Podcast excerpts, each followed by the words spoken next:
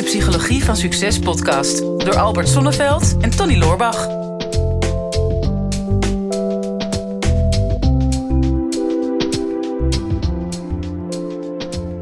Ik weet niet hoe jij het ervaart, eh, Tony, maar met name door die crisis uh, is er toch ook wel veel negativiteit. Merk je dat nou ook? Of? Nou, ik heb het idee dat die er altijd al wel was, maar ik merk wel aan mezelf dat ik wat, uh, ik word wat grimmiger en, en wat, uh, ik kan wat makkelijker mijn frustraties uiten, merk ik, als ik een keer weer iemand spreek. Um, en ik merk dat in, in ons team ook een beetje. Dat de mensen die nu wat langer thuis zitten, dat ze, dat, dat ze een iets korter lontje krijgen. Dat kan door omstandigheden zijn, maar ik heb ook het idee dat dat een beetje komt doordat je nu natuurlijk de hele dag overladen wordt met alle nieuws rondom de, het corona-verhaal. Ja. En dat is natuurlijk allemaal negatief. En er zit heel weinig positieve noten tussen. Dus daar word je wat negatiever van. Ja, en uh, nou, dit zet al de toon, maar we gaan deze podcast juist niet negatief inzetten. Want we gaan uh, het hebben over positiviteit, maar dat komt. Maar daar weet ik niet zoveel van. doordat. door, door uh, krokodilmemmers. Ja, ja, als je echt de naam niet wil noemen, Niemes, dan, uh, dan mag dat ook. Maar um, die zegt: Hey, ik luister nu al een tijdje naar jullie podcast. En daarom heb ik een vraag voor jullie. Uh, hoe gaan jullie om met negativiteit als je in een omgeving zit zoals je familie? En hoe blijf je, nou snap ik ook waarom dat je anoniem bent. Mm -hmm. en hoe blijf je zelf positief in een negatieve omgeving? Nou, dat lijkt me denk ik wel een hele mooie mooie vraag om die te beantwoorden in onze, in onze podcast. Ja, dus ik zit ineens te denken, wij hebben ook onze eerste negatieve review binnengekregen. Ja. We hebben uh, onze podcast uh, in uh, Apple Podcast staat natuurlijk vol met reviews. En die zijn allemaal positief, leuk ja. om te lezen ook.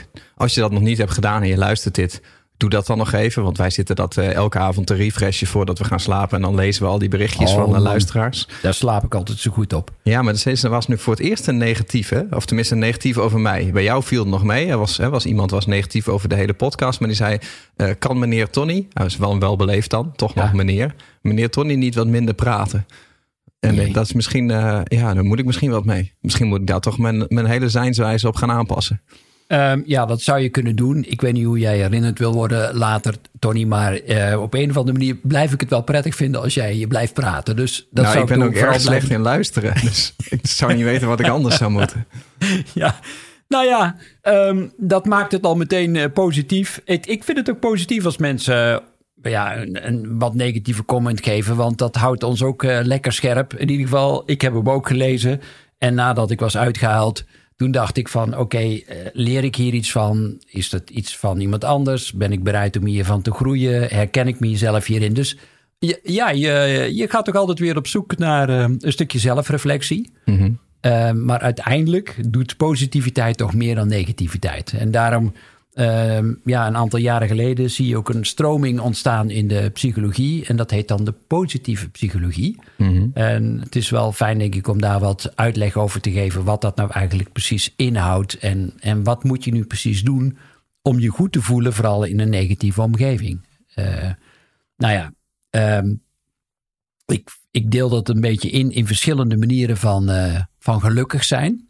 En het eerste begint met gelukkig denken. Mm. Nou, kun je dat? Nou, dat is best wel lastig, want je hebt gemiddeld zo'n 50 gedachten per minuut en 70% van die gedachten zijn al negatief. Omdat je nog van oorsprong, dat oerbrein, dat, dat was altijd gericht op gevaar.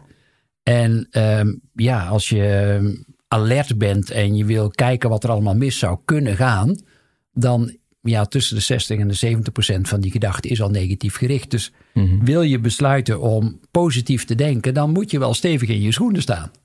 En bereid zijn ook te kijken wat er goed gaat in plaats van wat er niet goed gaat. Nou, bekende glas half vol of half leeg. Mm -hmm. um, het gaat nooit over de situatie, maar hoe bekijk jij die situatie? Ja, nou, maar ik denk dat um, dat ook moeilijk is. De meeste mensen, hè, wat je zegt, de meeste gedachten zijn negatief, maar uh, de meeste gesprekken zijn ook negatief. Uh, en niet per se dat, dat een gesprek haatvol is of, of wat dan ook, maar je merkt dat de gemiddelde mens maakt sneller een connectie met een ander mens als ze, het, als ze dezelfde ergernis hebben. Hè, of het over dezelfde dingen uh, uh, uh, negatief zijn. Mm-hmm. daar, daar zit meer een band. En ik herken de vraag heel goed hoor. Van als je een omgeving hebt, hè, je gaat het dan over familie. En dat, en dat hebben, hebben wij beide als ondernemer natuurlijk wel gemerkt. Hè. Als je een niet ondernemende omgeving hebt, dan heb je het als ondernemer bijvoorbeeld ook moeilijker. Ehm, en als jij positief bent ingesteld of een hele positieve werkomgeving hebt en je komt bijvoorbeeld terug in je roots bij je familie of bij je oude vriendenkring. Uh, en die zit alleen maar te zeuren over, uh, over alles. Dat je op een gegeven moment denkt van oh, ik ben helemaal kapot. Uh, wat, wat zou ik hier aan moeten doen? moet ik daar afscheid van nemen of moet ik gaan proberen om ze te gaan hervormen? dat tweede is meestal niet het beste idee. Nee, nee dus de kwestie van afscheid nemen. Hè? Je kent het wel, je stapt de ruimte binnen. En dan hangt er zo'n soort combinatie tussen een klaagmuur en een grauwsluier. Mm -hmm. Nou, dan weet je het al. en een treurwillig. Ja, om het beeld compleet te maken. Om het beeld compleet te maken. En wil je daar nog bij zijn? Um, nou ja, je kunt zeggen, ja, maar het is toch mijn familie. Ja, de, om je familie heb je niet gevraagd meestal. Mm -hmm. uh, je, je, vrienden en je kennissen en de mensen om je heen, die kun je wel uitkiezen. Mm -hmm. Dus wees daar ook gewoon heel eerlijk in. Uh, je hoeft er echt niet mee te gaan. En dat begint met gelukkig denken. En de tweede stap die je daarbij te zetten hebt, is ook gelukkig voelen. Nou, hoe kun je nou gelukkig voelen? Dat is om jezelf in een ervaring te brengen. Want hoe gedraag jij jezelf op het moment dat je gelukkig voelt? -hmm. En dat kun je al doen door je lichaamshouding te veranderen. Uh, door je ademhaling te veranderen. Door um, nou ja, je, je beweging te veranderen, letterlijk en figuurlijk. Door andere acties te nemen. Uh, nou, dat kan zijn door te sporten, op een andere manier uit bed te komen. En je, je kunt al, als je uit je bed komt en je hebt, weet ik veel wat, pantoffels of, uh, en je, of je staat onder de douche, dan kun je al een soort verrukking. ja, ik zit aan een grap te denken die je me nou net voor de podcast heeft verteld. ja. Maar ik zal er niet op ingaan. Dat laat ik aan jou. Ja, maar hè, dus, dus dus dat is, daar begint de dag al mee. En die dag die is maar eenmalig. Die komt ook niet meer terug. Dat is jouw leeftijd. Dus wat voor gedrag zou je nu al kunnen gaan doen... waardoor dat je ook beter voelt? Want als je je beter voelt, dan ga je ook anders denken. En dat is altijd weer de vraag... wat is er nou eerder de gedachte of het gevoel? Maar ja, in mijn ervaring is er eerst nou ja, als je het helemaal wil analyseren, begint het eerst met een kernovertuiging over jezelf. Hè, van, het heeft niets met je omgeving te maken, of die nou negatief of positief is, maar hoe ga ik me ertoe verhouden? En dat wordt bepaald door jouw kernovertuiging, dat is het eerste. Dus, dus een kernovertuiging is bijvoorbeeld van ja, uh, ik kan de hele wereld aan, positief. Mm. Of negatief, ik ben niet goed genoeg. Uh, de tweede stap na die kernovertuiging, en dat is allemaal onbewust hoor, is de perceptie. Hè, want je gaat vooral in je omgeving zien wat jij verwacht te zien. Hè, dat, is, dat kennen we allemaal, selectieve perceptie. En de derde stap is interpretatie. Dus dan, ja, dat, dat wat je ziet, dat ga je ook op een bepaalde manier invullen. Mm-hmm. En dan ga je zo voelen. En dan ga je er zo over denken. En uiteindelijk ga je er ook zo naar gedragen. En dan is de cirkel rond. Mm-hmm. Dus um, ja, wil je om kunnen gaan met de negatieve omgeving, wat je zegt, ja, wat doe ik? Ga ik er tegen vechten of ga ik ervoor vluchten? Of ga ik mezelf opsluiten? Of ga ik een beetje steun zoeken bij die omgeving? Nou ja, het enige wat je kunt doen is heel dicht bij jezelf blijven. Maar dat begint dus met weten wat jouw kernovertuigingen zijn in die uh, betreffende omgeving. Nou, als je dus gelukkig gaat gedragen, dan is de volgende stap: oké, okay, maar hoe ga ik me nu gelukkig verbinden met mensen om me heen? Waar ik wel energie van krijg. Want je kunt mhm. heel lang teleurgesteld zijn en verdrietig en misschien daar zelfs ook over klagen van ja ik wou dat die mensen wat vrolijker en wat liever en wat aardiger zouden zijn voor mezelf en wat optimistischer. Maar ja, ze zijn het niet. En we weten allemaal, en jij waarschijnlijk ook heel goed, dat menselijk gedrag nou eenmaal heel moeilijk te veranderen is. Dus uh, ja. ja. en, en mensen laten zich ook niet veranderen. Hè? Mensen laten zich niet overtuigen. Sterker nog, uh, 99,9% van de mensen schiet in de weerstand op het moment dat je ze probeert te overtuigen ergens van. Ja. Uh, mensen laten zich op zich wel beïnvloeden. Uh, maar dat, daar zit een ander tijdskader aan. Ik, ik heb dat ook wel gemerkt als ik merkte dat mijn omgeving bijvoorbeeld heel negatief was. Dat ik dacht van nou, hè, ik vind dat helemaal niet leuk om daar bij in te zitten. Dus dan, dan zou ik bijvoorbeeld iets van gaan zeggen. Hè, van ja, wat zijn jullie toch negatief? Kunnen jullie niet wat positiever zijn? Nou, daar, wordt, krijg je meestal geen positieve reactie op. Hè, dan zijn ze heel goed getraind in het negatief reageren. En dat is met ondernemen ook. Hè, als je uh, zoiets hebt van nou, hè, wat denken jullie klein of wat houden jullie leven tekort of moet je niet eens iets aan persoonlijke groei gaan doen, moet je niet eens gaan sporten. Dat vinden mensen niet leuk. Um, en dat gaan ze dan dus vervolgens ook niet doen. Maar als jij gewoon het goede voorbeeld geeft, dus dat je niet meegaat in de negativiteit, niet meegaat in het roddelen, um, en je doet dat maar lang genoeg, dan gaan mensen het op een gegeven moment wel opmerken van hé, hey, hij of zij uh, doet eigenlijk nooit mee aan het, aan het zijkwartiertje, bijvoorbeeld. Mhm. En je zult wel zien dat de mensen die ervoor openstaan, zich daardoor wel laten inspireren. Um, dus dat, dat is die kant van het verhaal. Alleen uh, wat moeilijker is, is om gewoon jezelf af te schermen voor die negativiteit. Want onderzoeken laten gewoon zien dat, hè, ze noemen dat een negativity bias, dat um, negativiteit veel zwaarder weegt dan positiviteit. Um, ik heb dat laatst gemerkt met mijn uh, boeklancering. We, hebben, we hadden 10.000 boeken verkocht in een week. Nou, ja, wow, zeg, zeg, dat nog één keer, Tony. Want ik vind het zo'n stoer verhaal. Hoeveel boeken had je ja, verkocht? 10.000 boeken in een week. Ja. Want het is echt gewoon mega. Ja. ja. dat is veel meer dan wat wij hadden verwacht. Maar daarmee hebben we ook een, een hele kritische massa bereikt online. En je gaat niet 10.000 boeken verkopen en iedereen tevreden houden. Dus iedereen die het boek had, was er wel tevreden over. Daar hebben we geen klachten over gehad. Op een enkeling na die eh, de plaatjes te klein vond of, eh, of, of een spelfoutje eruit haalde. Maar uh, wij hebben ook de negativiteit online gezien van mensen die uh, bijvoorbeeld helemaal het boek niet kochten of helemaal ons niet kenden, maar die daar wel een mening over hadden en die niet schuwden om die mening in het publieke domein te gooien. En daar kom je niet onderuit. Dat is gewoon dat is deze tijd. Hè? Dat, dat merken we ook in het hele corona gebeuren. Dat als um, het recht op publicatie van nieuws nog steeds bij de, alleen de regeringen en de traditionele media had gelegen, dan hadden we ook heel ander nieuws gekregen en een hele andere boodschap. En misschien zelfs hele andere maatregelen dan nu, omdat het recht op publicatie nu bij de massa ligt door social media. Dat betekent dat iedereen mag een mening hebben en die mening online ventileren. En als er maar genoeg mensen op ingaan, dan wordt het ook nog, gaat dat ook nog eens viraal. Hè? Nog hmm. viraler dan het virus zelf. Ja. Dus dat, dat zul je altijd zien. Dus als jij nu merkt van ja, hoe ga ik dan om met die negativiteit? Dat begint met accepteren dat het er altijd zal zijn. Hmm. Op het moment dat jij iets doet wat opvalt en wat buitengewoon is, Ehm, en dat als het er niet is, dat je waarschijnlijk niet iets doet wat buitengewoon is, maar dat je in dodelijk gemiddelde valt. ja, gaaf. Ja, dus, dus als je dat weet, dan de enige vraag die je dan kunt stellen is: ja, waar heb ik zelf invloed op? En wat ik al zei, ja, je, je kunt letterlijk en figuurlijk jezelf gelukkiger denken. Je kunt je gelukkiger voelen door je zo te gaan gedragen. Je kunt je gelukkig verbinden. En dan, ja, daar ben ik zelf ook van als, als directeur van een opleidingsinstituut, is ook jezelf gelukkig ontwikkelen. Mm. dus, dus wanneer je stappen gaat zetten om te groeien en te leren, hè, wat ik net ook zei, van ehm, wat voor soort feedback dat je krijgt, want je krijgt altijd feedback. De, de wereld is altijd een weerspiegeling van jouw binnenwereld. En, en in hoeverre kijk je daarna en in hoeverre, hoeverre ben je bereid om naar jezelf, bij jezelf te blijven en naar jezelf te kijken ook. En, en wat leer je daarvan? En uiteindelijk, als je dan ook nog gelukkig in de flow kunt blijven, dat je een aaneenschakeling van momenten kunt creëren die zoveel mogelijk jouw positiviteit benaderen, ja, dan, dan trek je jezelf uit dat negatieve karrespoor, wat anderen misschien voor jou getrokken hebben, waarvan jij ja, in, die, in die, misschien per ongeluk in die rijbaan terecht bent gekomen. Maar dan heb je in ieder geval wel een manier gekregen om daar weer zo snel mogelijk uit te komen ook. Mm ja, nou ja, jij zegt nu net, uh, je kan stappen gaan zetten om uh, uh, je gelukkig te ontwikkelen. Heel vaak is dat ook fysiek. Hè? Je kan gewoon fysiek stappen gaan zetten buiten ja. om te gaan wandelen. En dan zul je zien dat je emotionele staat al, al verandert.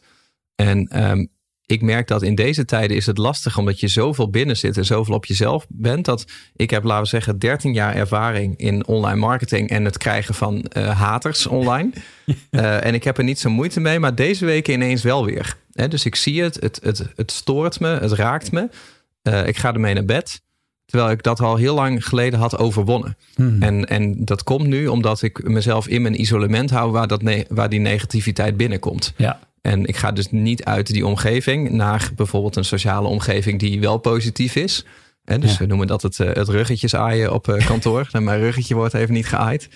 Um, en ik blijf binnen. Maar um, ik heb altijd gemerkt, en volgens mij dat de eerdere podcast ook wel eens gelegd, uh, uitgelegd, dat uh, emotie, als je die, die, dat woord helemaal terugzoekt naar waar het vandaan komt, dan komt het volgens mij uit het Latijnse uh, mover, of, of dat kan Frans zijn, maar dat komt dan weer uit het Latijns.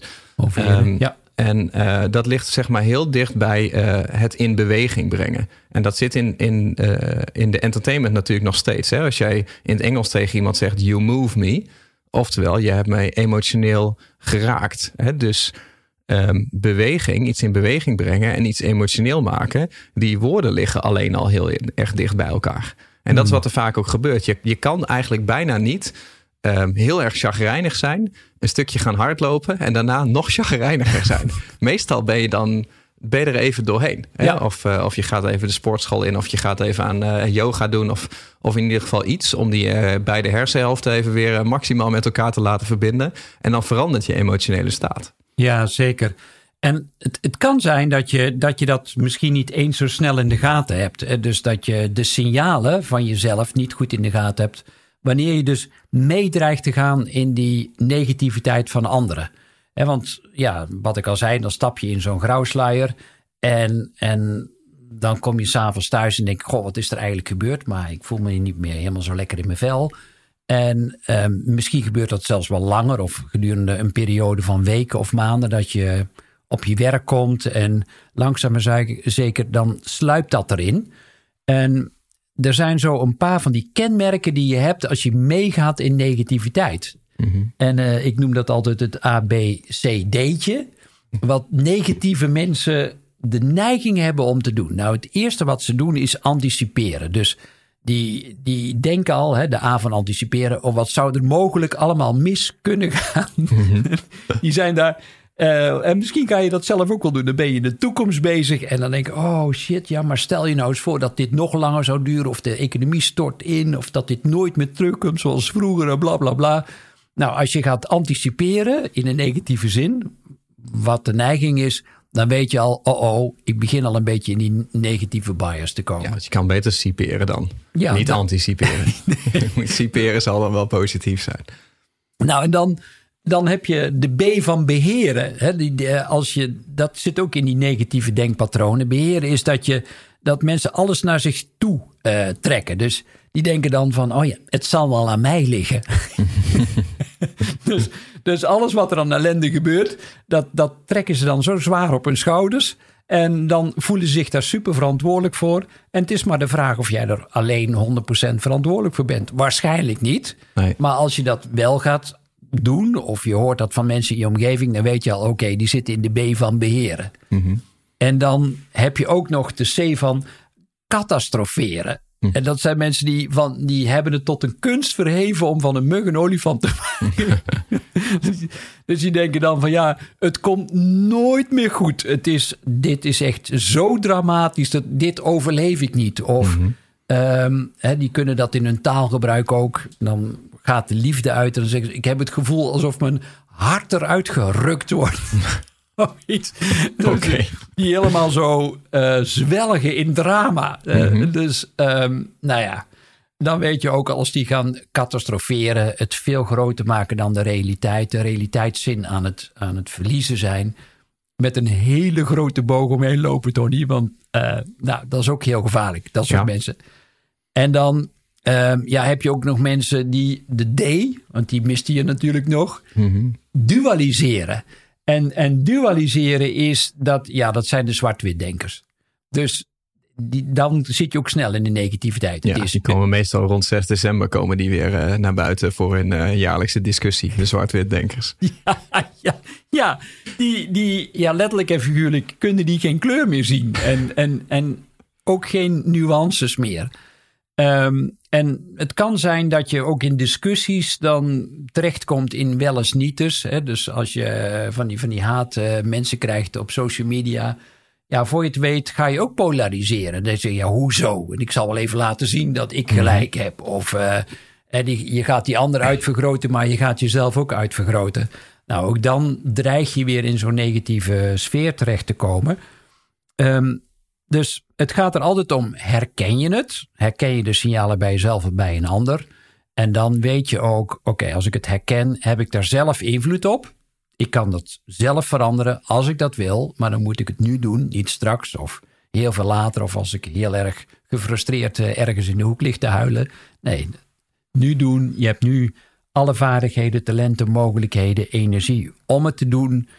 En pak het ook aan. Want anders, voor je het weet, zit je bij die negatieve groep. Want dan ben je over die negatieve groep aan het praten. Negatief. Dus Mhm. eh, hoeveel ben je dan echt anders dan degene waar je het meeste last van hebt? Ja, je kunt vuur niet met vuur bestrijden. Nee, zeker niet. Dus ehm, ik hoop dat daarmee de vraag voldoende beantwoord is. Dat je het gaat herkennen eh, en vervolgens verantwoordelijkheid voor neemt. En er ook naar gaat handelen. De Psychologie van Succes podcast door Albert Sonneveld en Tony Loorbach. Ja, beste luisteraars, dat was hem alweer voor vandaag. Weer een aflevering voorbij van eh, de psychologie van succes. Ik hoop dat je het waardevol hebt gevonden en ehm, wat je ons dat ook zou willen laten weten. Eh, mocht je nog niet geabonneerd zijn op onze podcast, doe dat dan even. En wat we heel erg tof zouden vinden, is als je ook even een review zou willen achterlaten. We vinden het natuurlijk heel leuk om te horen van jou wat je van de podcast vond, welke inzichten je eruit hebt gehaald. En om dat natuurlijk in de review-sectie terug te gaan lezen. Heb je nou een vraag en je zou graag met jouw vraag in de uitzending willen komen? Stel hem dan op eh, de social media. Onze kanalen zijn vooral LinkedIn en natuurlijk Instagram. De beste vragen pakken we eruit en grote kans dat je dan terugkomt in deze podcast.